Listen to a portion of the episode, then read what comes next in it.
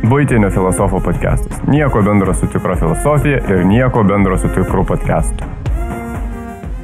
Tinka mano audio blogas ir norite daugiau, visada galite rasti daugiau informacijos, daugiau mano audio blogų ir anksčiau išeinančių audio blogų būtinisfilosofas.lt arba 895fm.eu. Tenais pasirodo visada greičiausiai ir šviežiausiai sukurti audio blogai. Jeigu jūs mėgstate mane, prašau, lankykitės ir mėgaukitės. Žodžiu.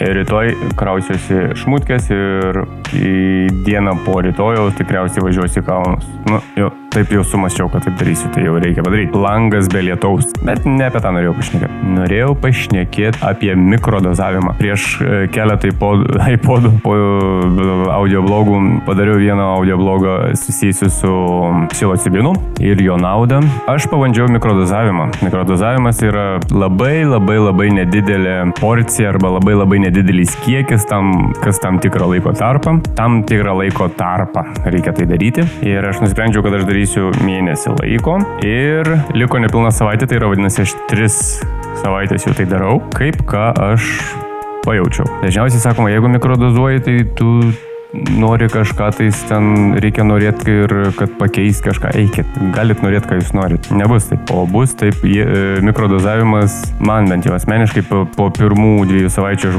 visą laiką norėjau, kad man kažkas būtų, kad, kad aš, aš noriu, kad man tai įvyktų, dėl to aš ir mikrodozuoju. Ir galiu pasakyti, tai nevelnio taip nebuvo, bet mikrodozuojant po poros savaičių aš pajutau tam tikrus kitus visiškai reikalus Vadinasi, man mikrodozavimas davė ne tai, ko aš noriu, bet tai, ko man reikėjo. Ir trečią savaitę, vat, sakykime, po dviejų savaičių arba trečią savaitę pramušo ir aš tik, nes pirmas dvi savaitės nejaučiau, nejaučiau nieko, jokių pokyčių, bet trečią savaitę pramušo ir pradėjau jausti pokyčius. Kokius pradėjau jausti pokyčius? Tai vienas iš pagrindinių ir didžiausių ir stipriausių pokyčių, ką aš pajutau, tai yra, kad aš pradėjau visiškai kitaip maitintis, žymiai sveikiau maitintis, žymiai, žymiai labiau stebėti tai, ką aš valgau, e, kas mano imunitetą gerina ir, e, žodžiu, maitinimasis pasikeitė.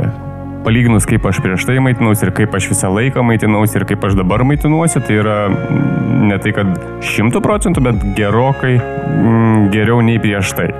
Ir nėra, kad aš visiškai kardinaliai pakeičiau savo mytybą ir tai, bet yra ryškiai geriau ir aš niekada taip nedariau. Tai čia vienas iš aspektų. Kitas dalykas, tikriausiai pas visus mus yra tas vidinis balsas galvoje, kuris kartais prieštarauja tai, ką tu nori daryti.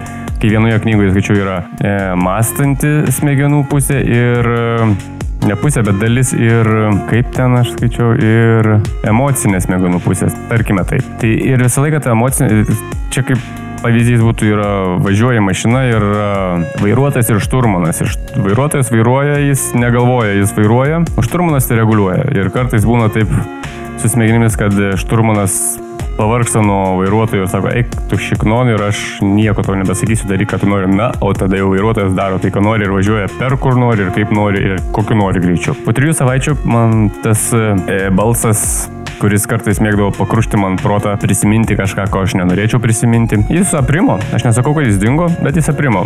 Ką tai reiškia? Aš pasidariau ramesnis. Ramesnis susigyvenau su savim labiau ir nuotaika geresnė, žymiai. Ir aš jaučiu, jaučiu kad, kad aš jaučiuosi žymiai geriau.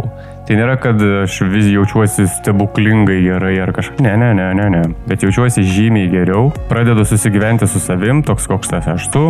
Aišku, per daug į gilį kartais nueinu. Ta prasme, į gilias mintis ir panašiai. Bet kad, kad yra efektas kažkoks, tai yra faktas.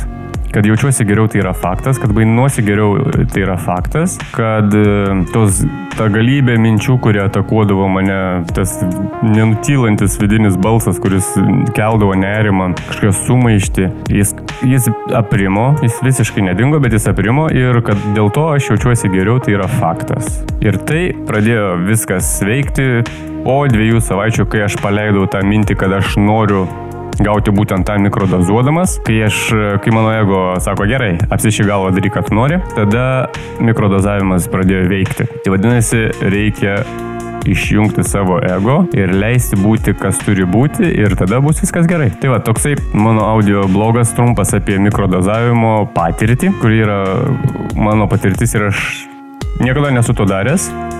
Ir dabar padariau ir dar vis darau. Už savaitės tai sustosiu, nes reikia mėnesį padarai ir sustoti. Tai taip ir bus. Ačiū. Ačiū paga... mikrodozavimui už tai, kad man geriau. O jums linkiu taip pat rasti kažkokią ramybę, jeigu nesate ramus. O jeigu esate labai smalsus, tai prašau bandykite. Viso ko geriausio.